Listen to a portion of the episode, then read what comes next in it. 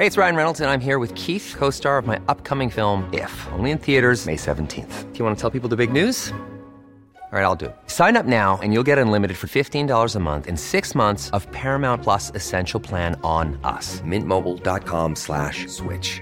Upfront payment of $45 equivalent to $15 per month. Unlimited over 40 gigabytes per month. Face lower speeds. Videos at 480p. Active Mint customers by 531.24 get six months of Paramount Plus Essential Plan. Auto renews after six months. Offer ends May 31st, 2024. Separate Paramount Plus registration required. Terms and conditions apply if rated PG. Hiring for your small business? If you're not looking for professionals on LinkedIn, you're looking in the wrong place. That's like looking for your car keys in a fish tank. LinkedIn helps you hire professionals you can't find anywhere else, even those who aren't actively searching for a new job but might be open to the perfect role. In a given month, over 70% of LinkedIn users don't even visit other leading job sites. So start looking in the right place. With LinkedIn, you can hire professionals like a professional. Post your free job on linkedin.com slash achieve today. Önskar man ju på ett sätt att eh, Katrin och Bingo kanske hade gjort en googling i sammanhanget. Ja, kanske bara en. Jag tänker att i tider som dessa så kanske man ska ha en redaktör som helt enkelt så här, pluppar bort de här frågorna. för det har varit protester för Black Lives Matter och många av protesterna utmynnar i plundring och våld och polisbilar som brinner.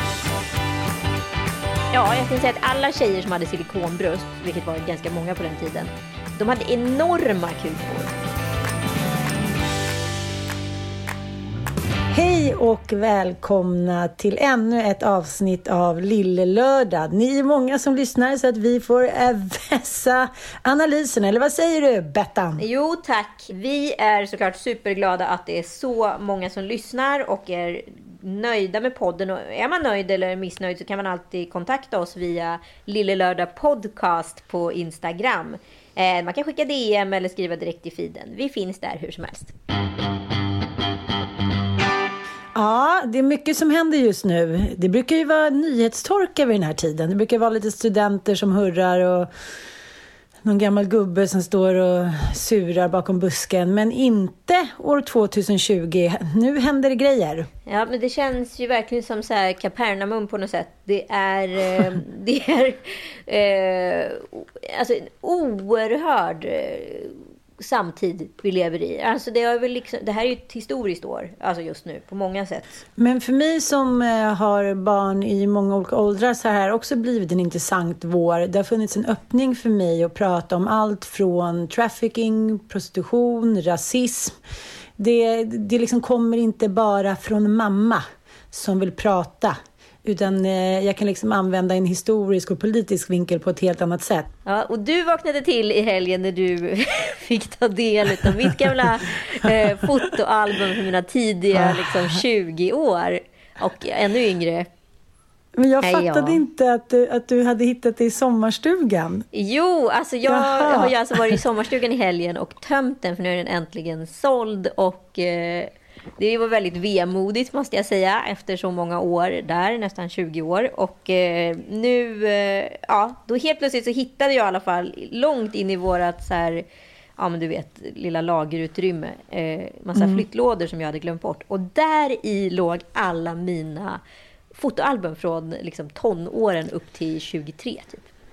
Men det är sån jävla skatt. Och jag säger det till alla som ungdomar nu. Framkalla bilder och sätt in album. Alltså jag höll ju på och eh, sätta typ grillkorven i halsen. När du Alltså jag är så glad att jag inte hade Instagram på den här tiden. Men jag har ju i alla fall dokumenterat mitt liv som att jag hade Instagram. För att eh, det var väl dokumenterat. Det är bilder och bilder och det är som att den där kameran åkte fram precis överallt. Det, det var ju en klenod kan man väl säga. Jag ska bara berätta lite om vad jag fick för bilder.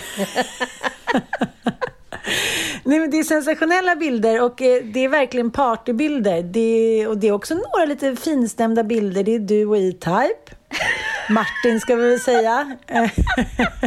Alltså jag har är helt glömt bort att jag har Ja. liksom fotat honom. Det är så hemskt. Men jag måste, kommer du ihåg eh, när du tog en bild av honom? För att han var ju ändå så här, han var känd och han var liksom kreddig. Kan man jämföra honom med någon idag? Eh, alltså han har ju alltid varit en, en liksom speciell typ. Han har ju inte varit liksom Benjamin Ingrosso. Men kan man jämföra honom med... Eh, hmm, Gud vad svårt. Äh, men alltså, han är ju så one of a kind. Alltså, det är lite Ja, som att, så här, det. det är ju lite som att vara, liksom, eh, varit med Kalanka förstår du? Det är nästan en mytologisk figur. Långben. Ja, men det var mycket fina och glada bilder och mycket... Du är, var en känd posör kan jag tycka. Det var mycket påsande bilder, men det är det väl idag också. Det var lite som, som du säger, det var ingen skillnad på Instagram ungdomar idag och igår. Men att du hade kanske lite mer kändisar på din så kallade bild-insta. var du kändiskåt? Nej, men, ja. Ja, men vad ska jag säga? Jag menar, så här, flyttade till Stockholm och hamnade ganska fort i vad ska jag kalla det för, rätt sammanhang. Och det var inte så att jag så här, oj, jag slank in där, utan det var någonting jag hade stångat mig in i. Jag såg till att så här, eh, ja, men jag var med i så här, Hej Fredag. Kommer du ihåg det här fantastiska programmet? Det var Per Sinding Ja, ja, ja, ja. och Peter Sipen som också var med på bild där, som du såg i den här kavalkaden. Ja. Jag känner mig lite orolig alltså. Varför det? Alltså jag vet inte om jag ska sätta mig mitt emellan er för man vet hur det brukar sluta när ni två träffas tillsammans, eller era band träffas. Ditt förra band Brainpool och Henriks förra, eller nuvarande band Broder Daniel, ni ställer ju till med ölkrig. Så jag stångade mig in på den produktionen så jag var deras fasta panelmedlem. Eller liksom, nej, man var en hangaround, man var en mingel-hangaround. Eh, som Konceptet var som Playboy TV var på 60-talet. Well, good evening. I'm Hugh Hefner, your host. This is Barbie Benton. This is Connie Kresge, our Playmate of the Year. And you arrived just in time because the Ike and Tina Turner Review are about to start wailing in the rumpus room. Come on in and join us. Så att vi var liksom eh, så här 20 utvalda minglare som fick sitta med där. Och efter de här programmen som också det serverades alkohol på så var det alltid någon, eh, någon rolig efterfest hemma hos Peter Sipen eller Per Sinding eller vad fan det nu var. Om man inte gick ut på stan. För vi var alltid så här VIP också in på nattklubbar. Och den där VIPen, den ledde ju en till att träffa andra spännande människor om man säger så. Och så vidare. Så det blev liksom en, en liten räkmacka rakt in i Nöje Stockholm. Som på den tiden var liksom... eh, Ja, jag skulle säga att alla tjejer som hade silikonbröst, vilket var ganska många på den tiden, de hade enorma kupor. Förstår du? Alltså det var ju, Alla ville ju vara bingobrudar. Och vi kommer ju komma in på bingo lite senare idag. Liksom. De, tjejerna Men- har inte li- de, har, de tjejerna har inte lika stora bröst idag. De har tagit ner sina silikonimplantat. Man får förmodligen implan- implantat, men mindre. Allting var väldigt mycket. Det var liksom som det nya 80-talet på något konstigt sätt. 00-talet. Men var det här en strategi från dig, vill du säga? Eller var det så här, äh, halka in på ett bananskal? Nej, 100% eh, strategi. Drömmen om att vilja vara i rätt sammanhang fanns där. Sen så, så här, om man, jag vet inte vad jag ska kalla det för. Om man, kan, eh, om man säger affirmering, förstår du vad jag menar då? Att man så här, önskar att någonting ska ske så pass mycket så till sist sker det. Och då tar man sig ju dit. Så att så här, det handlade ju inte om att jag slogs med näbbar och klor, men helt plötsligt så fanns jag i ett sammanhang och jag har ju alltid haft ett bra munläder, så jag kunde väl ta mig in i vilket sammanhang som helst. Det var ju inga problem. Di- Dit kom jag, men det var ändå ett hårt minglande, det måste jag ändå säga. Det är lite som, du hade, man antar olika liksom, eh, profiler för att vara minglare. Jean-Claude till exempel, kulturprofilen, han höll en låg profil. Eh, Jeffrey Epstein, en annan typ av profil av minglare, men ack en minglare. Eh, Det där är ju faktiskt eh, väldigt mycket mer spännande än vad man tror. Särskilt när man kanske är i, i den åldern du var i. Att man, är så här, man tror att människor bara kommer dit av en slump, men så är det inte. Ganska kul att tänka på också att Per Sinding Larsen har gått åt ett håll, ska man säga lite mer SVT-vänster. Och Peter Sipen är så här multimiljonär och, och lever la vida loca. Är Men han dessa män- multimiljonär? Ja, gud ja. Herregud, han har så mycket pistoler. På att vara DJ på olika firmafester. multimiljonär. Jo, jo, Du jag skojar? Nej, jag lovar. Jag lovar.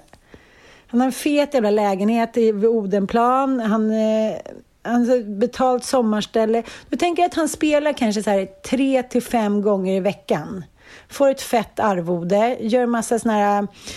Men vadå, det kan ju inte vara mer än ett influencerarvode. Förlåt, nu låter jag helt dum i huvudet. Hur man kan Mm. blivit miljonär, mångmiljonär på att DJa i knasiga glasögon. Alltså det kanske är 100% fördomsfullt. It was the 90s. Jo, jag lovar dig. Men eh, det som jag tycker är lite tråkigt, som jag tycker har blivit eh, en vattendel, är det att idag så kan inte alla samsas på samma arena, för arenan är för stor. Så de har det. liksom smalnat av. Då var det så jävla roligt tycker jag, för då kunde verkligen alla vara med på samma arena. Eh, Peter Sipen kunde tillsammans med Per Sinding Larsen, eh, jag menar, i alla sorts program eller alla sorts kulturella sammanhang så tycker jag att det var mer blandat. Ja, det är ju den där eh, mixen som är så... Ja, men det var ju det som var lite 00-talet. E-Type kunde hänga med, med Hellacopters liksom. Och det var inget konstigt med det. Idag skulle de aldrig kunna ens vara i samma rum utan att den ena är kreddig och den andra okreddig. Det var inte så farligt då. Nej, alla ville bara ha kul. Exakt. Och några som bara vill ha kul, det är ju ändå Katrin och Bingo. Vi hade verkligen liksom inte ta- tänkt att ta upp det här. För dels så tycker jag verkligen jättemycket om både Katrin och Bingo i ett privat sammanhang. Men, men det är så här, nu har vi fått så sjukt många DMs och mejl och allt vad det är om det här. Så det, det är oundvikligt skulle jag säga. Ska vi ta och lyssna lite på, det är två poddar sen av relationspodden där de tog upp det här med sugar daddy, visst är det det? Just det. Ja, vi lyssnar lite på frågan. lyssnade på er vanligen roliga podcast idag. Mindre rolig idag när sugar dating kom upp. Hur tänkte ni när ni uppmuntrade en ung tjej att utsättas för detta? Nummer ett, för fara. Vem vet vem gubben är? Och nummer två, för att hamna i en beroendeställning, utpressning, manipulation till en främmande man. Bör vi inte istället försöka lära tjejer att bli självständiga och aldrig kompromissa med att bli köpta på ett eller annat sätt av främmande män? Där visste vi ju att vi skulle få såna här reaktioner på, på förra veckans eh, avsnitt. Och jag kan bara känna, alltså när jag läser, eh, när jag läser den här eh, kvinnans eh, mail till oss eh, så kan jag inte låta bli att tänka på så här... eh, Alltså det är, så, det är så Sverige, det är så Tegnell liksom. Det är bara så här... eh, vi har, vi har en bild av, eller vi har bestämt oss för hur saker och ting ska vara i Sverige och sen måste alla följa det. Jag kan förstå att hon som skriver det här mejlet personligen tycker att det aldrig skulle försiggå ett sånt här upplägg. Jag fattar det, jag respekterar det och det gör, gör säkert den här tjejen som skrev till oss förra veckan också. Men det som stör mig, det är att så här, varför kan inte den här kvinnan bara låta folk göra som de vill. Det finns inte alls någon så här hundraprocentig garanti för att den här tjejen skulle bli varken utnyttjad eller må dåligt. Hon kanske bara skulle få ett mycket härligare liv. Och jag, jag tycker, eh, jag, jag håller med dig i allting du säger. Jag tycker ju såklart att kvinnan har en poäng i det hon säger. Men sen tycker jag ju samtidigt, vad vill man ha för samhälle? Alltså det finns ju människor som är väldigt eh, rika och generösa. Eh, och, och, och jag tycker inte att, att ta emot, alltså man kan ju inte ha ett utgångsläge. Att, jag menar, nu har vi ju rika eh, entreprenörer runt om i världen som så att säga eh, som efterskänker, alltså som skänker bort hela sina förmögenheter till olika liksom, ändamål. Eh, det finns ju, jag menar, och jag är ju, jag är ju en sån här person som älskar att bjuda och jag älskar ju det för jag tycker det är så härligt att bjuda Ja men någon på gud, hur många tjejer har du inte bjudit på tusen saker, Tusen eh, saker? i ditt liv och middagar och taxiresor ja, och väskor ja, och hit ja. och dit. Du har väl inget intresse av Nej. att ligga med varandra? Nej, nej, nej, precis. Men grejen är så att den här kvinnan som har skrivit in till oss idag, hon har förmodligen aldrig fått uppleva det själv. Nej, nej, exakt. Så för henne så finns det bara två alternativ. Ja. Snuskgubbe som Ja. vill utnyttja, ta Ja. hand om dig själv. Ja, men, och, Det är och jag, liksom tänkte på okej. det, jag tänkte på det bara senast igår så mötte jag upp en, eh, en kompis på Söder som satt och de satt ett helt gäng på någon, så här, på någon söderkrok i, Horns, eh, söderkrok i Hornstull. Och jag bjöd ju, och jag bara, vem vill ha något att dricka? Du vet. Och jag bara kände så här, jag älskar liksom när man hamnar i något sällskap. Och, du vet, och jag märker ju att svenskar är ju extremt, alltså lite så här snekna. Man bjuder ju sällan, alla ska dela noter. Det finns jävla speciella appar till att det ska bli på kronan korrekt. Och du vet, ja. Alltså man har ju en sån här inbyggd liksom, mentalitet. Du vet, jag märker märker ju också hur liksom nästan chockade människor. Det var ju så två killar som satt vid bordet också som fick något att dricka där och de blev också så här, du vet alla bara, men gud tack, vad då bjuder du? Och så är det, det är nästan som att människor då tänker, ha vad, vad finns det för baktankar med det här? Och det är ju, tycker jag, väldigt tråkigt att det ska eh, behöva vara så. Så att jag tycker att hon kvinnan som skriver, hon representerar ju ja, väldigt mycket den här svenska mentaliteten. Liksom. Det är ju härligt eh, att bjuda. Ja. Jag är likadan. Jag blir helt galen nu. Efter att Swish kom till Sverige mm. så kan man ju knappt bjuda folk på saker Nej. och ting längre. För att man hinner inte sätta sig i bilen förrän man får pling, pling, pling. Ja. Så här. Har de delat upp notan och swishar ändå? Jag tycker ja. det är så jävla... Jag blir så förnedrad och irriterad och bara så här. Nej, nej minsann, här ska vi göra rätt för oss. Här önskar man ju på ett sätt att eh Katrin och Bingo kanske hade gjort en googling i sammanhanget. Ja, kanske bara en. Men det är inte så den här podden funkar. Jag gjorde lite research och de har haft några liknande frågor redan 2016. Men då handlar det om vad man skulle ge en sugar daddy som redan hade allt. Jag tänker att i tider som dessa så kanske man ska ha en redaktör som helt enkelt så här, pluppar bort de här frågorna. Eh, jag vet inte. Jag tänker så här det här med att vara en sugar daddy, alltså var drar man gränsen? Katrin säger då att eh, och hon har nyttjat en sugar daddy för att hon har blivit bjuden på drinkar. Är det där gränsen går? Jag tycker här, efter de senaste veckornas debatt så kanske inte att man blir bjuden på en drink eller bjuder en kille på en drink, det är kanske inte där i problemet ligger. Eller vad säger du? Eller ska man gå, eller, gå, eller, eller är det där det börjar? Måste allting förändras? Kan man inte ta emot en drink eller vice versa? Men det, vi hade ju faktiskt en sugar daddy som eh, approachade mig och Malin Gramer när vi hade podden. Han hörde av sig till Malin och sa jag vill vara din plånbok.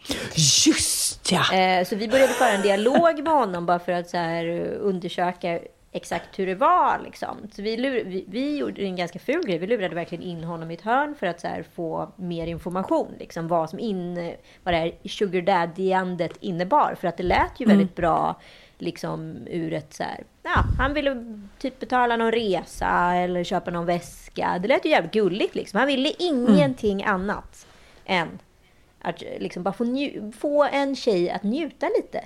Och må bra då utav maktpositionen utav att kunna bjuda. Det låter ju jävligt bra. Och den här tjejen ville ju ha hjälp med sin hyra var det va? För att hon plugga. Eh, som var då personen som hade det här dilemmat som hörde av sig till Katrin och Bingo. Eh, och det lät ju inte så farligt. Men ganska snart som han hette den här Bosse då, till mig och Malin, börjar han ju skicka nakenbilder på sig själv. Och då finns det helt plötsligt sexuell, en sexuell transaktion. Och så länge det finns mm. en transaktion utav så här, någon form av sexuell tjänst eller någon form av något ägande då ska man vara väldigt medveten om att man är prostituerad. Så att så här, även mm. om den här tjejen väljer att säga, ja men det låter inte så farligt, han ska bara betala min hyra. Så är den transaktionen, om det finns någon form av sexuell inramning eller underskrift som man kanske står lite finstilt, då är det prostitution. Så antingen väljer du då självvalt att vara prostituerad genom att ha en sugar daddy. Men då ska du också veta om att du är det. Eh, eller så kan du bli inlurad i någon form av sugar daddy-ism. Och eh, jag tycker att som vuxen förälder i alla fall, skulle inte jag kunna sitta och rekommendera min tonårsdotter till att ha en sugar daddy. Det, det känns inte liksom helt moraliskt försvarbart. Och om man nu vill kalla det att det är tråkigt och svenskt och så jävla trist. Då får jag i sådana fall vara tråkig och svensk och jävligt trist. Det, det är Nej, min alltså... officiella ståndpunkt. Jag vet inte, vad, vad känner du? Nej, men jag känner bara så här att, eh, att vara någons sugar daddy, det refererar jag ofta till att äldre män betalar för yngre kvinnor. Just det. Och då menar jag väldigt unga kvinnor. Och eh, alla som fort, kanske har någon tanke på att det är tråkigt svenskt kan ju gå in och se de tre delarna på Netflix om just eh, Epstein. Ja, han var ju en sugar daddy deluxe kanske man ska säga. Jo, men det var, jag, jag, tycker inte det är avgörande i den Netflix-serien. Det som är avgörande i den Netflix-serien är att man utnyttjar unga tjejer som, som, precis som unga killar, dels inte är utvecklade i hjärnan, dels kommer de eh, från bakgrunder. För de här sugar daddiesarna, det de är experter på, det är att nosa upp unga kvinnor som har ett behov eller är känslomässigt trasiga. Så det kan aldrig bli liksom en transaktion som är jämlik. Den Nej. finns inte. Och, så länge det, den möjligheten inte finns så finns det heller ingen liksom, möjlighet till att det här är en attraktiv affärsuppgörelse. Nej, och sen så tror inte jag att alla behöver gå så långt som Epstein i sin sugar daddy-ism. Men det som låter jävligt bra på pappret, eller som kanske börjar med ett par glada drinkar på krogen, det kanske stannar där. Men om det inte mm. stannar där, vad är då nästa steg? Finns det då ett intresse av någon form av sexuell transaktion? Om du bara masserar mig lite eller runkar av mig lite så betalar jag en handväska till dig. Då ska man veta att man frivilligt, ofrivilligt kliver in i prostitution. Så man har också sitt eget val att göra, avsluta där. Men om vi går tillbaka till Epstein, för nu har vi ju båda sett den här dokumentären ah, som ah. finns på Netflix. Eh, Filthy mm. Rich heter den. Jag tycker alla ska se den om man inte har ah. He was known as this Gatsby like figure of mystery. He was stunningly rich. He had a $20 million house, his own private island in the Caribbean. Has a nickname, the Pedophile Island. In 2005, the Palm Beach Police Department received reports of young women going to and from his residence. The monsters are still out there. You took our freedom, now we're gonna take yours.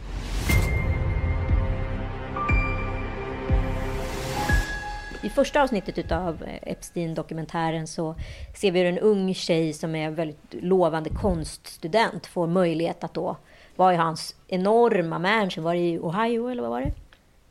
Eh, nej, New Mexico. New, New Mexico. Mexico ja. mm. Och bara måla då.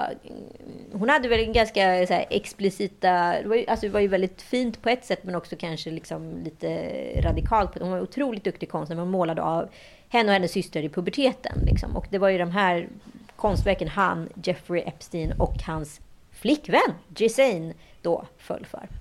Mm, och när mm. hon väl var på den här resorten då, i, i, eller resorten, var på hans otroligt stora mansion i, eh, i New Mexico, så ja, självklart så kom transaktionen sexuell tjänst.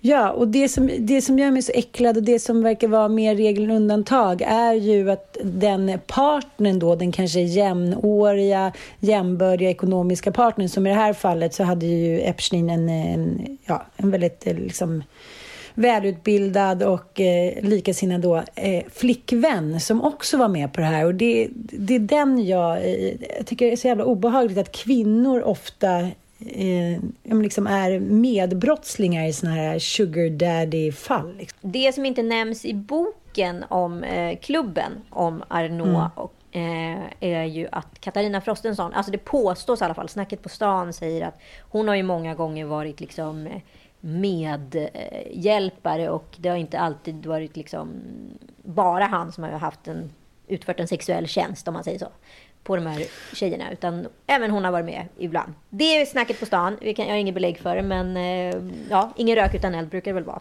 Och Nej. om det här nu är ett mönster bland sociopater som vi uppenbarligen både Jeff Epstein och Arnaud är. Så är det ju inte helt oväntat att han kanske också har en medhjälpare. Nej, precis. Men, men det, någonting som också tycker jag är så slående är att de här kvinnorna... Alltså, när man, jag, precis, jag håller på och läser om klubben.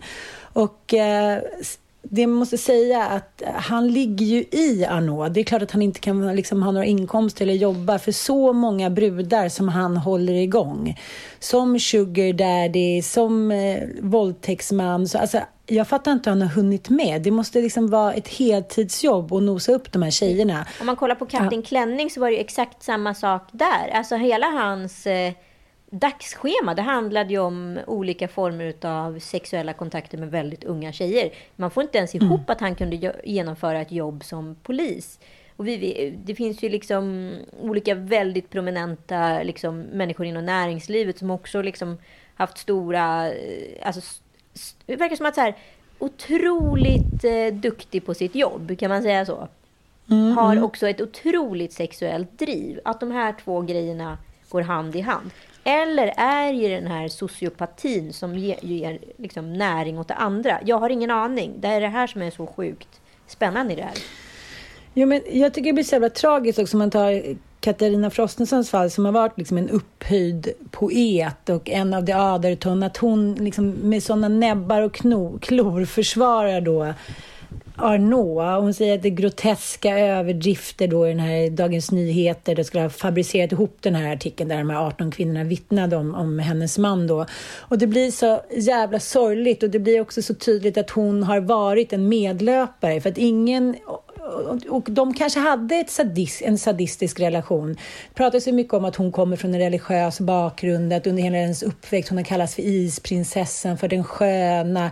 Hon vill liksom vara någon jungfru för att kunna skapa. Hon har inte skaffat barn. Det kanske är ett, har varit ett 35-årigt långt, evigt pågående sadistisk relation. Jag kan liksom inte tolka det på något annat sätt.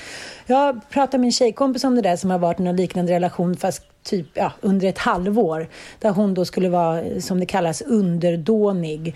Och fick vänta på att hennes eh, dåvarande kille skulle komma hem. Hon fick gå omkring utan trosor. Alltså det var ju bara sexuellt. Och eh, det är ju en vanlig liksom, sadistisk relation. Och många lever ju det här i många år. De kanske har gjort det då. Det kanske var en överenskommelse att han då skulle vara ute och ligga med andra. Att hon skulle då bli utplånad för konstens skull. Men det är ändå så otroligt obehagligt och tragiskt tycker jag.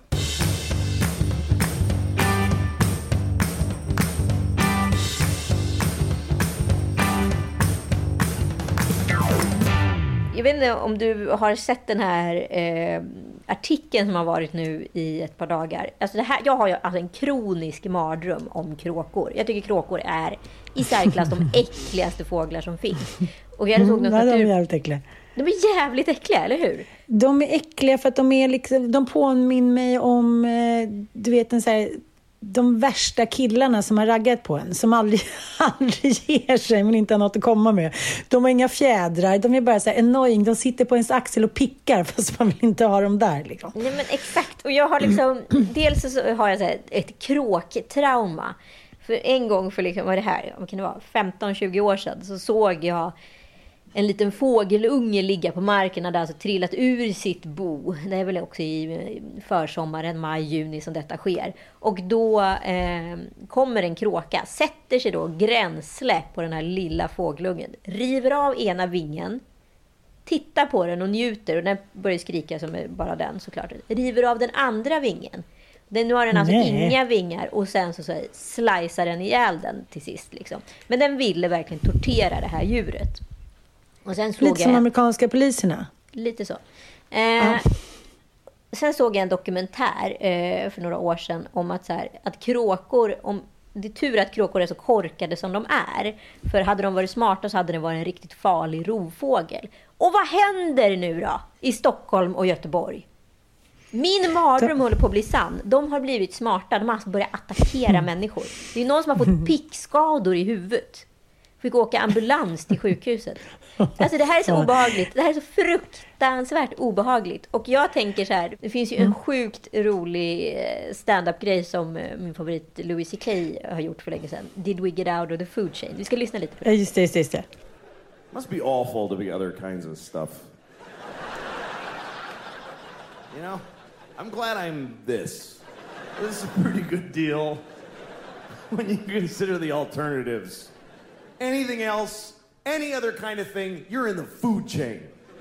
You're in the food. We are out of the food chain. I don't know if we fully appreciate the fact that we got out of the food chain.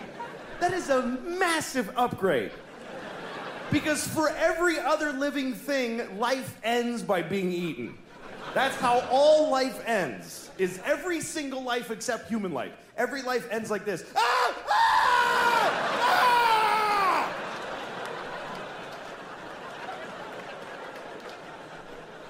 We're the only ones that get to just die old in a bed. Just, mm-hmm, I love you.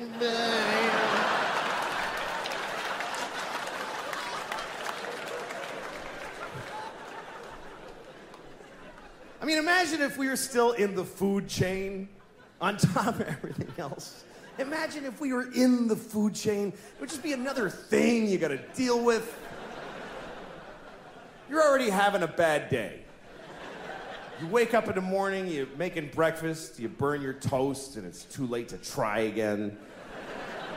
And your kid comes in and says, "Bleh," and you're like, fine. And it's just, why?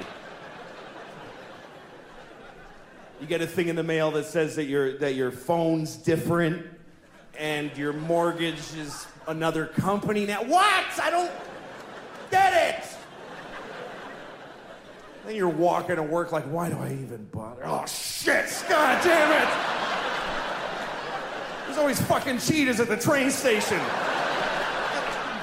Stop it! Ja, men det här är intressant. Tänk om vi skulle behöva akta oss för en liksom, hyena på väg till bussen. Det hade inte varit så jävla kul. Men det är ju lite där vi är nu med kråkorna. Förstår du? Men- Jag är i panik. Men jag tänker lite också på Hitchcock. Ja. Eh, ja, men eh, Hitchcocks de här fåglarna. Exakt. Vad, är det så här, vad symboliserar då fåglar som helt oförklarligt börjar attackera människor? Det är det som jag tycker är så jävla äckligt. Är då att de inte har någon respekt för människorna längre? Men exakt, det är dy- dystopiskt över det. Jag tänker så här, Ja. tänk om kråkor får reda på att vi kallar snorbusar för snorkråkor. Kommer de kommer det, här får ni för snorkråkorna, eller vad kommer det vara för hämnd? Ja, men kan man säga det om också den här den nya kändiseliten som skiter i att spegla sig mot omgivningen? Det kanske är kråkorna som har blivit smarta. Absolut. Ja, Smarta en- kråkor. Ja, de smarta kråkorna. Där, där har vi namnet på den här podden, va? Men jag tänker på, apropå en annan typ av dystopisk mardröm. Det är ju att Big Brother är ju slut sen förra veckan eller vad det är. Eh, och det är ju intressant för när de klev in i huset så fanns ju inte corona eller covid-19. Det fanns ju ingenting. Så när de kommer ut ur huset så kommer de ju ut i en helt ny verklighet. Vilket är väldigt, så väldigt konstigt. otroligt intressant. Eh, men så tänkte jag också så här, den dystopiska tanken om hela mänskligheten hade dött i covid-19 som, som man kanske hade gjort under spanska sjukan. Mm, Och då helt plötsligt vår, vårt sociala arv då kommer att ligga i händerna på, på Big Brother-deltagarna. Att fortplanta sig och vara de som sätter agendan för nästkommande generation eh, Homo sapiens. Det kanske skulle bli bra. Folk kanske skulle Ja. vara lite mer nöjda. Ja, men han har ju ändå varit nazist och så har han gått ifrån det. Mm. Ja, men det, det är ändå så här. Han har ändå liksom, han kämpar på. Han, han Ja, håller inte är- med längre. Det kanske också skulle vara bra. De har ju lärt sig överleva i det där huset nu. De skulle kanske ha lite prepping skills klara ändå. Ja, men absolut, absolut. Ja, men jag tänker, jag har ju eh, inte varit instängd i såna hus, men eh, det som händer när man är med i såna här liknande, när man är och semestrar och alla bor tillsammans, det är ju att allting blir så himla, vad ska man säga, centrerat. Bråken blir liksom tusen gånger starkare än vad de skulle bli annars. Eh, diskussionerna, förlåtelsen, kärleken, allting blir ju liksom ett litet subkulturellt mikrocentrum. Och det där är väldigt speciellt tycker jag. Och det kan ju ändå påminna lite om det som vi själva har genomlevt nu. Att vi liksom varit instängda i våra hus och lägenheter och sommarhus. Att allting som sker blir mycket, mycket större än när vi kan spegla oss i verkligheten. Så det är på något sätt en, vad ska jag säga, en så här svennebanan-extremist som kanske liksom sker även i hemmen. Förstår du vad jag menar? Ja, absolut. Är det Mm. vi som är de smarta kråkorna eller kråkorna som är smartare än oss? Mm. Hela, hela världen förvandlas till ett eh, Big Brother i miniatyr.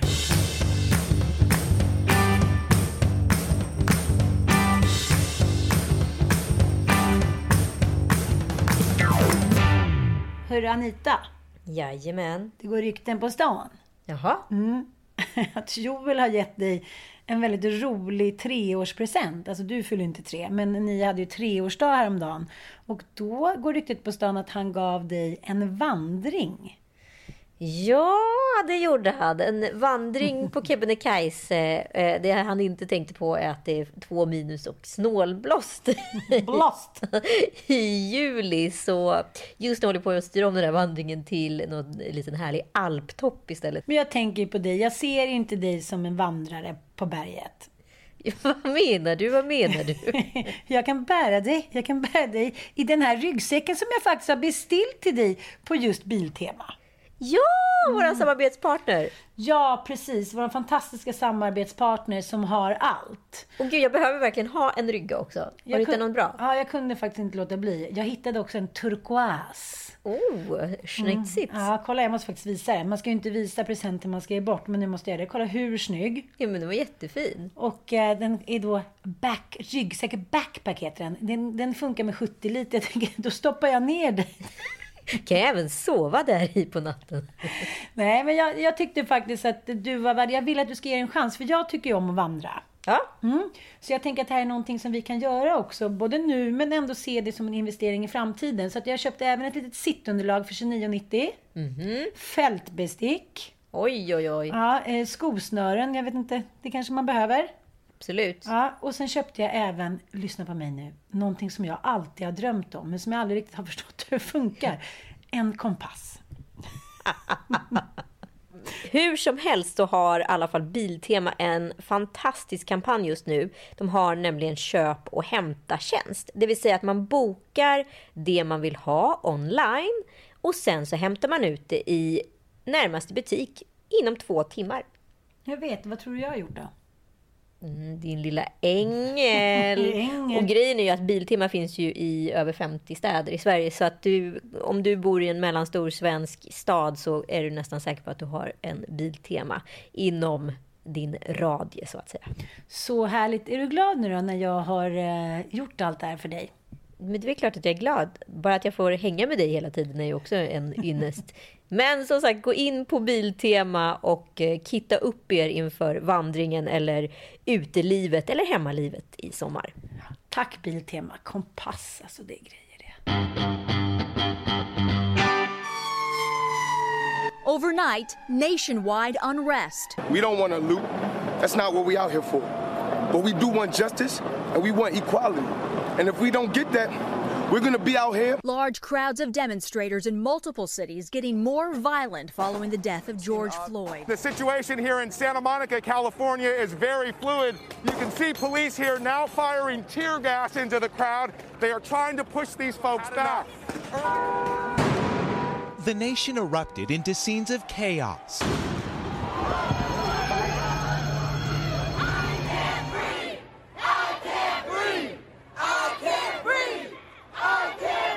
Hallå Peppe Öhman, journalist och författare som befinner sig i eh, händelsernas epicentrum, och jag på att säga, i alla fall i ett av dem i Los Angeles. Kan du ge oss en liten eh, insiderblick på vad som sker och vad som har hänt? Ja, men det har varit en äh, ganska våldsam vecka i hela USA och igår, äh, egentligen i lördags eskalerade det riktigt ordentligt här i, i Los Angeles och Santa Monica också. Det har varit protester för Black Lives Matter och många av de här protesterna utmynnar i plundring och våld och polisbilar som brinner. Och uh, efter att ha varit inne på lockdown alltså då i flera veckor på grund av covid-19 så, så har vi nu också haft utegångsförbud. Och uh, så först var det bara utegångsförbud eh, på kvällen från liksom att solen gick ner till solen gick upp men igår i Santa Monica på grund av att, uh, att de här plundringarna var så våldsamma så började det faktiskt uh, utegångsförbudet redan klockan fyra på eftermiddagen. Och uh, det var liksom surrealistiskt. Det enda man hörde var helikoptrar som snurrade över staden och annars var det helt tomt på gatorna förutom då i downtown Santa Monica där, där eh, polisen arresterade alla som rörde sig och, och där folk plundrade och slog sönder fönster, fönster och, och ja, men det var våldsamt. Hittills har verkligen ingen dött ännu, lyckligtvis, men uh, hoppas vi börjar sluta på det här snart. Och vad händer då med de som blir arresterade efter lockdown-timme? Får de då böter för att det är lockdown eller får de, det, går det under någon force majeure eller vad, gör, vad händer nu? Igår sa LAPDs polischef att man kan få böter upp till 1000 dollar om man rör sig ute. Innan eh, liksom, covid-19 drog igång så hade ju presidentkampanjen startat och det har ju väldigt Trump har ju haft ett ganska starkt mandat i USA. Har det här, den här senaste veckornas händelser påverkat eller hotat det mandatet på något sätt? Vi har sett att han gjort utspel mot journalister och eh, det är väldigt uppiskad stämning där borta. I alla fall vad som rapporteras i Europa. Ja.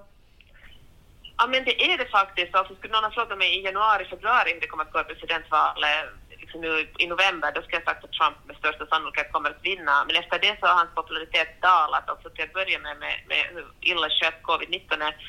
Och nu har det liksom gått drastiskt ner i och med de här kravallerna och demonstrationerna och för att han liksom inte riktigt har kunnat ta en ställning för Black Lives Matter. Han har visserligen sagt att han tycker att det är otroligt hemskt det som hände med, med George Floyd som blev mördad för en vecka sedan.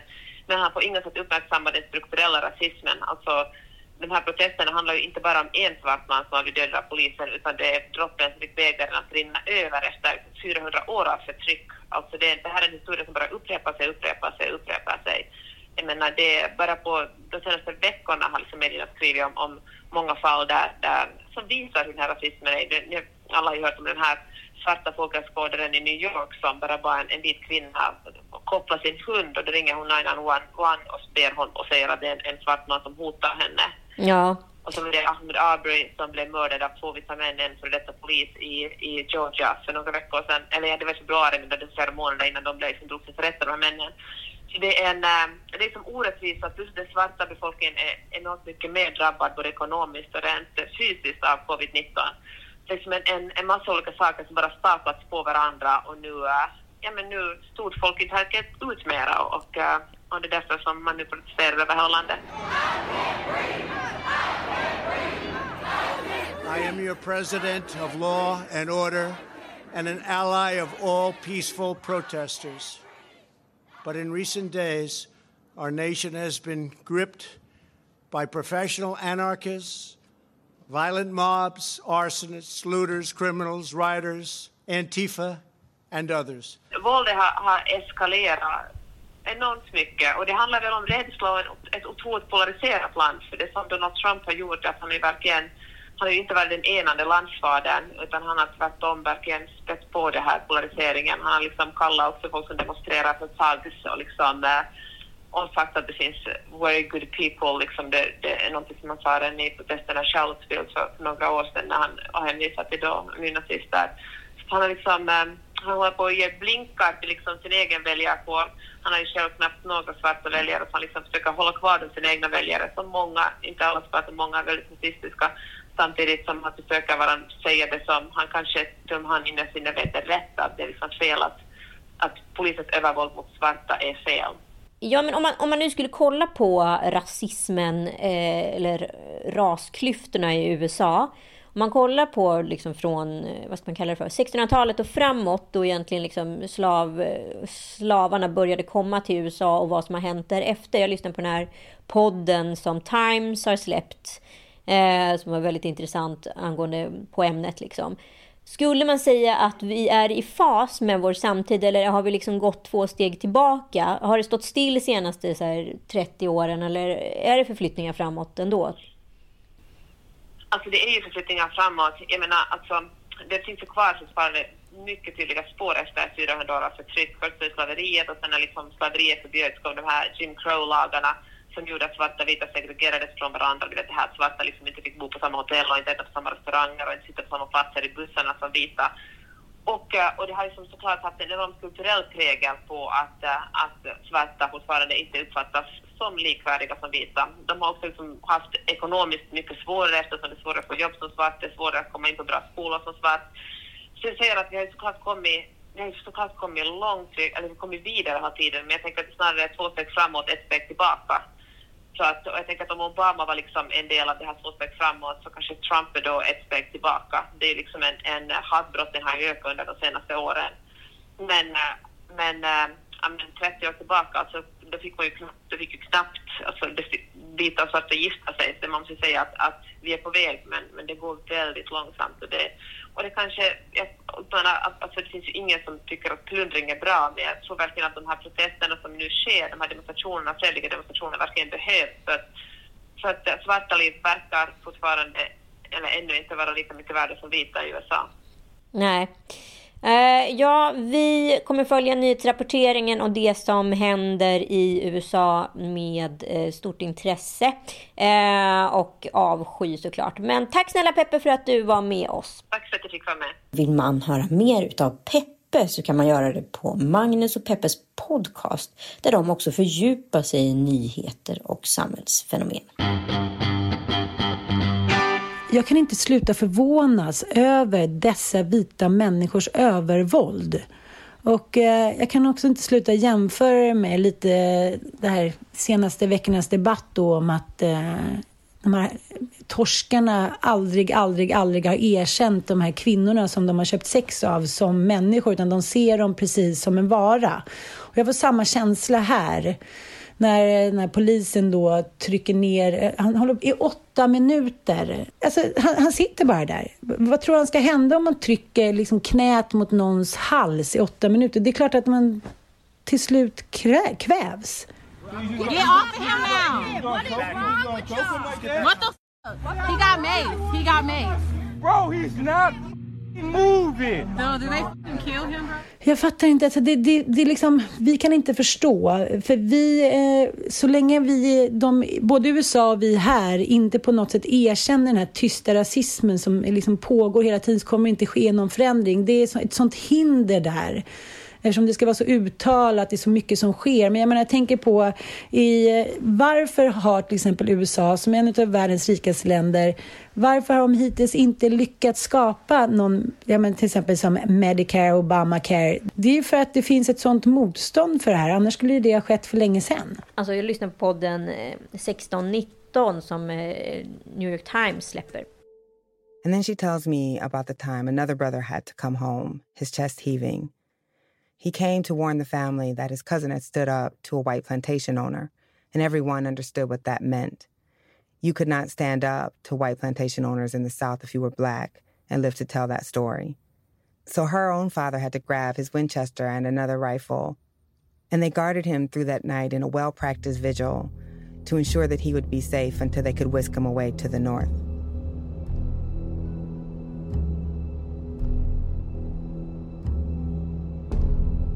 När USA liksom uppfanns eller startades, när de vita eh, människorna hade kommit till USA, då eh, ägde ursprungsamerikanerna liksom landet egentligen. Eh, sen kom man på att man skulle börja odla bomull, för det hade man hört funkade bra i Europa. Men saken var den att jorden som man odlar bomull i, den, kan, den är obrukbar efter tre år och då måste man ha nya landmarker. Och helt plötsligt så insåg man att man behöver ju stora, stora, stora liksom, Eh, plantager för att kunna få det här att vara en växande och fungerande industri. Och det är ju samma sak med tobak och så vidare. Så då stal man helt enkelt more or less eh, ursprungsamerikanernas land i södra USA. Och det är ju det som sen har blivit södern. Och för att få arbetskraft att kunna genomföra det här så kunde man ju inte ha amerikaner som gjorde det, för det skulle bli alldeles för dyrt. Det skulle inte vara en fungerande ekonomisk eh, vinstskapande produktion. Så då började man helt enkelt importera slavar från Afrika. Det vill säga man, man stal människor från ett land till ett annat. De hade ingen aning om någonting. Det enda de visste, de skeppades iväg från sitt ursprungsland till, på en båt och sattes på ett fält för att bli förslavade. Och eh, man skulle upp till en viss kvot av bomull per dag. Var du under den kvoten, då fick du eh, straff genom olika former av tortyr. Kom du över den kvoten, ja, då fick du ingen mat exempelvis dagen efter, för att då betydde det att det var inget bra. Så du skulle ligga på exakt den kvoten. Det gick inte att vinna i det här systemet. Sen skapades egentligen den finansiella strukturen. Istället för att så här, slavägarna eller plantageägarna skulle så här det kostade ju väldigt mycket att driva det, de här plantagerna. Men istället för att använda liksom sitt hus som en säkerhet, som vi gör idag exempelvis när vi tar ett banklån och så vidare, eh, så kunde man använda människorna istället. Så det var ju så slavhandeln började. Och det är alltså grunden för all typ av fondmarknad i världen. Så helt plötsligt kom europeiska intressen in och började också handla i slavar och så vidare. Så de här människorna var liksom handelsvaror i mångt och mycket. Sen kom Abe Lincoln och sa så här, men det här känns inte helt korrekt. Liksom. Och så började det väl sakteligen ske en förändring. Men det sitter en muggighet i väggarna i det här systemet som liksom är omöjligt att bryta. Ja, sen, ska alltså, lägga, jag, sen ska vi lägga på vapenlagen också, som inte gör saker och ting rätt. Och det jag tycker är viktigt att förstå, när man pratar om det här, man får inte göra ett vi och dem. Man skulle också vilja veta, så här, vad hade hänt i Sverige ifall vi hade rätt att skjuta?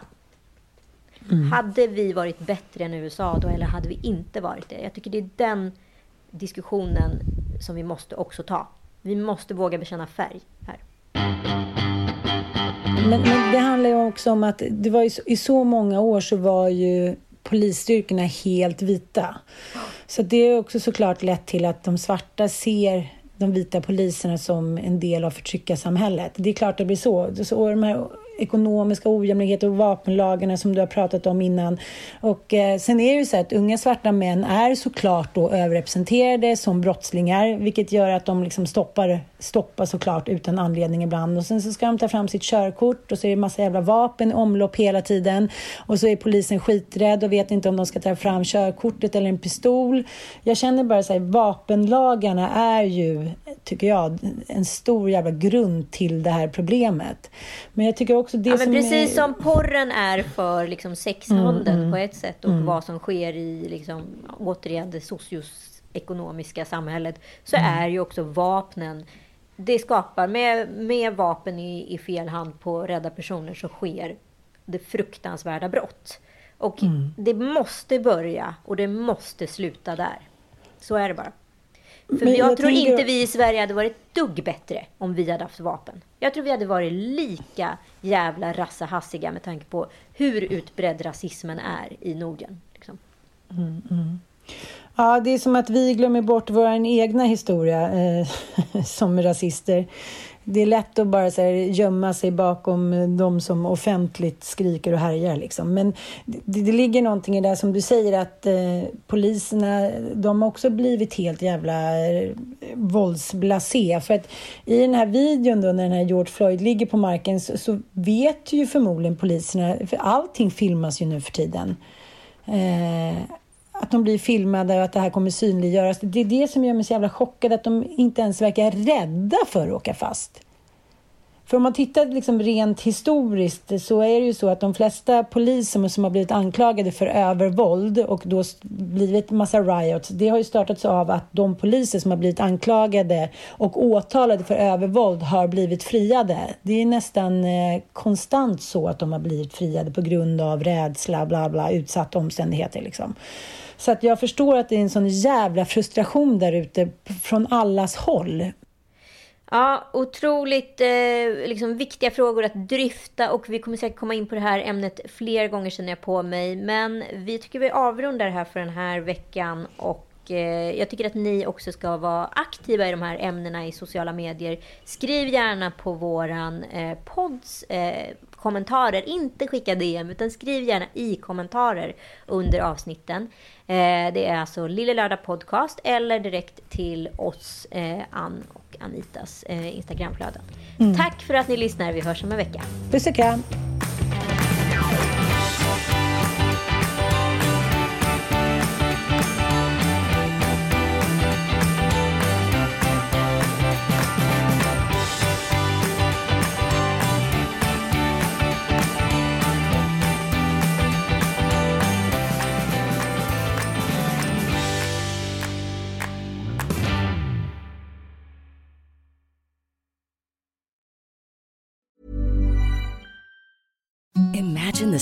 Softest sheets you've ever felt. Now imagine them getting even softer over time. That's what you'll feel with Bowl and Branch's organic cotton sheets. In a recent customer survey, 96% replied that Bowl and Branch sheets get softer with every wash. Start getting your best night's sleep in these sheets that get softer and softer for years to come. Try their sheets with a 30-night guarantee. Plus, get 15% off your first order at bowlandbranch.com. Code BUTTERY. Exclusions apply. See site for details. Ever catch yourself eating the same flavorless dinner three days in a row? Dreaming of something better? Well, HelloFresh is your guilt-free dream come true, baby. It's me, Kiki Palmer. Let's wake up those taste buds with hot, juicy pecan-crusted chicken or garlic butter shrimp scampi. Mm. Hello Fresh. Stop dreaming of all the delicious possibilities and dig in at HelloFresh.com. Let's get this dinner party started.